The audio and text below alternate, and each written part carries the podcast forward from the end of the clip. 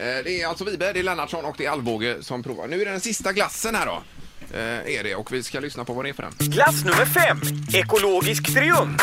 Gräddglass gjord på lokala råvaror med färsk ekologisk grädde. Ja. Och den ska även jag smaka på. Ja, den här. det är ju alltså den enda glassen du smakar på och du har redan gett en 10 poäng Ingmar här för nej, men att den är det- Det ekologisk. ska pre premieras som det heter. Eh, är det helt och hållet vanilj som är det? Ja. Ja, Vad innebär det att den är ekologisk? han sa ju just det här ju. Jaha, jag lyssnar inte så noga. Nej. Mm. Oj, den var lite smält här. Det är lite varmt. Men då är de som godast. Ja, det är bra. Det känner man direkt att det är Mm. ekologiskt. Jajamän, Ingmar.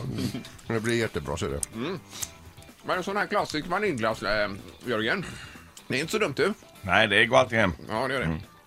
Den påminner lite grann om den gamla puckstång vanilj. Ja, kanske det. Nej, men vi kör. Är vi beredda för ett betyg på den sista också här då? Ja. Då gör vi det. Jörgen Lennartsson. Åtta bollar. Lasse Vibe.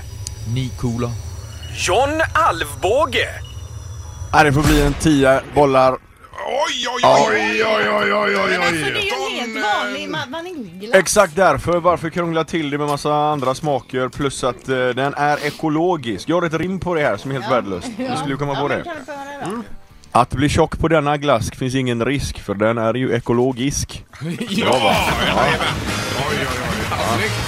Eh, Så och då- det är ekologiskt man ska använda som bantningsmetod då? Mm. Ja men alltså man har ju gott samvete med när du äter den och den är god och ja, den Smakar eh, bra också. smakar bra Ja, ja. jag håller med, det är 10 här också. Men jag går bakifrån nu på listan, jag har summerat upp detta. Ja. Eh, och då får vi alltså Zero, eh, den, vilken var det nu då? Det var den där Zero, eh, med det var krokant ju på toppen i- va? i- i- i- Ja det var ju tutti frutti Ja. först. Eh, Ja just det, men den är sist eh, Zero i Ja. testet här. Sen har vi på eh, 20, det var 22 poäng, 24 poäng eh, totalt. Där har vi Tutti Frutti och eh, ko, ko- Oko, Oko Bay. Ja. Mhm. Har vi.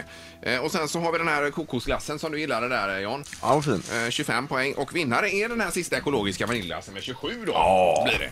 det är ju fantastiskt Linda, Ja, alltså det var ett konstigt test det här. tycker du? Ja, det tycker jag faktiskt. Spelar ingen roll, det var ju asgott med glass. Ja nu är man mätt i alla fall. Det är en riktigt fin frukost. Ja. Var det meningen att du skulle äta så mycket glass här Peter? Eller var det? Nej, jag tyckte att det åt mycket. Ja, du har ju satt i dig alla fem i alla fall. Men det är ofint att få, bli bjuden på någonting och inte äta upp. Eh, det kanske det är, ja. Men eh, tack så hemskt mycket och lycka till på måndag nu. Tack Stort tack. Tack, Ja. tack. Kör så det Det ryker. är till- Får de springa av sig de här glassarna på Det är kanalgården? inga problem för dem. Ett poddtips från Podplay. I podden Något Kaiko garanterar östgötarna Brutti och jag, Davva, dig en stor dos skratt. Där följer jag pladask för köttätandet igen. Man är lite som en jävla vampyr. Man har fått lite blodsmak och då måste man ha mer.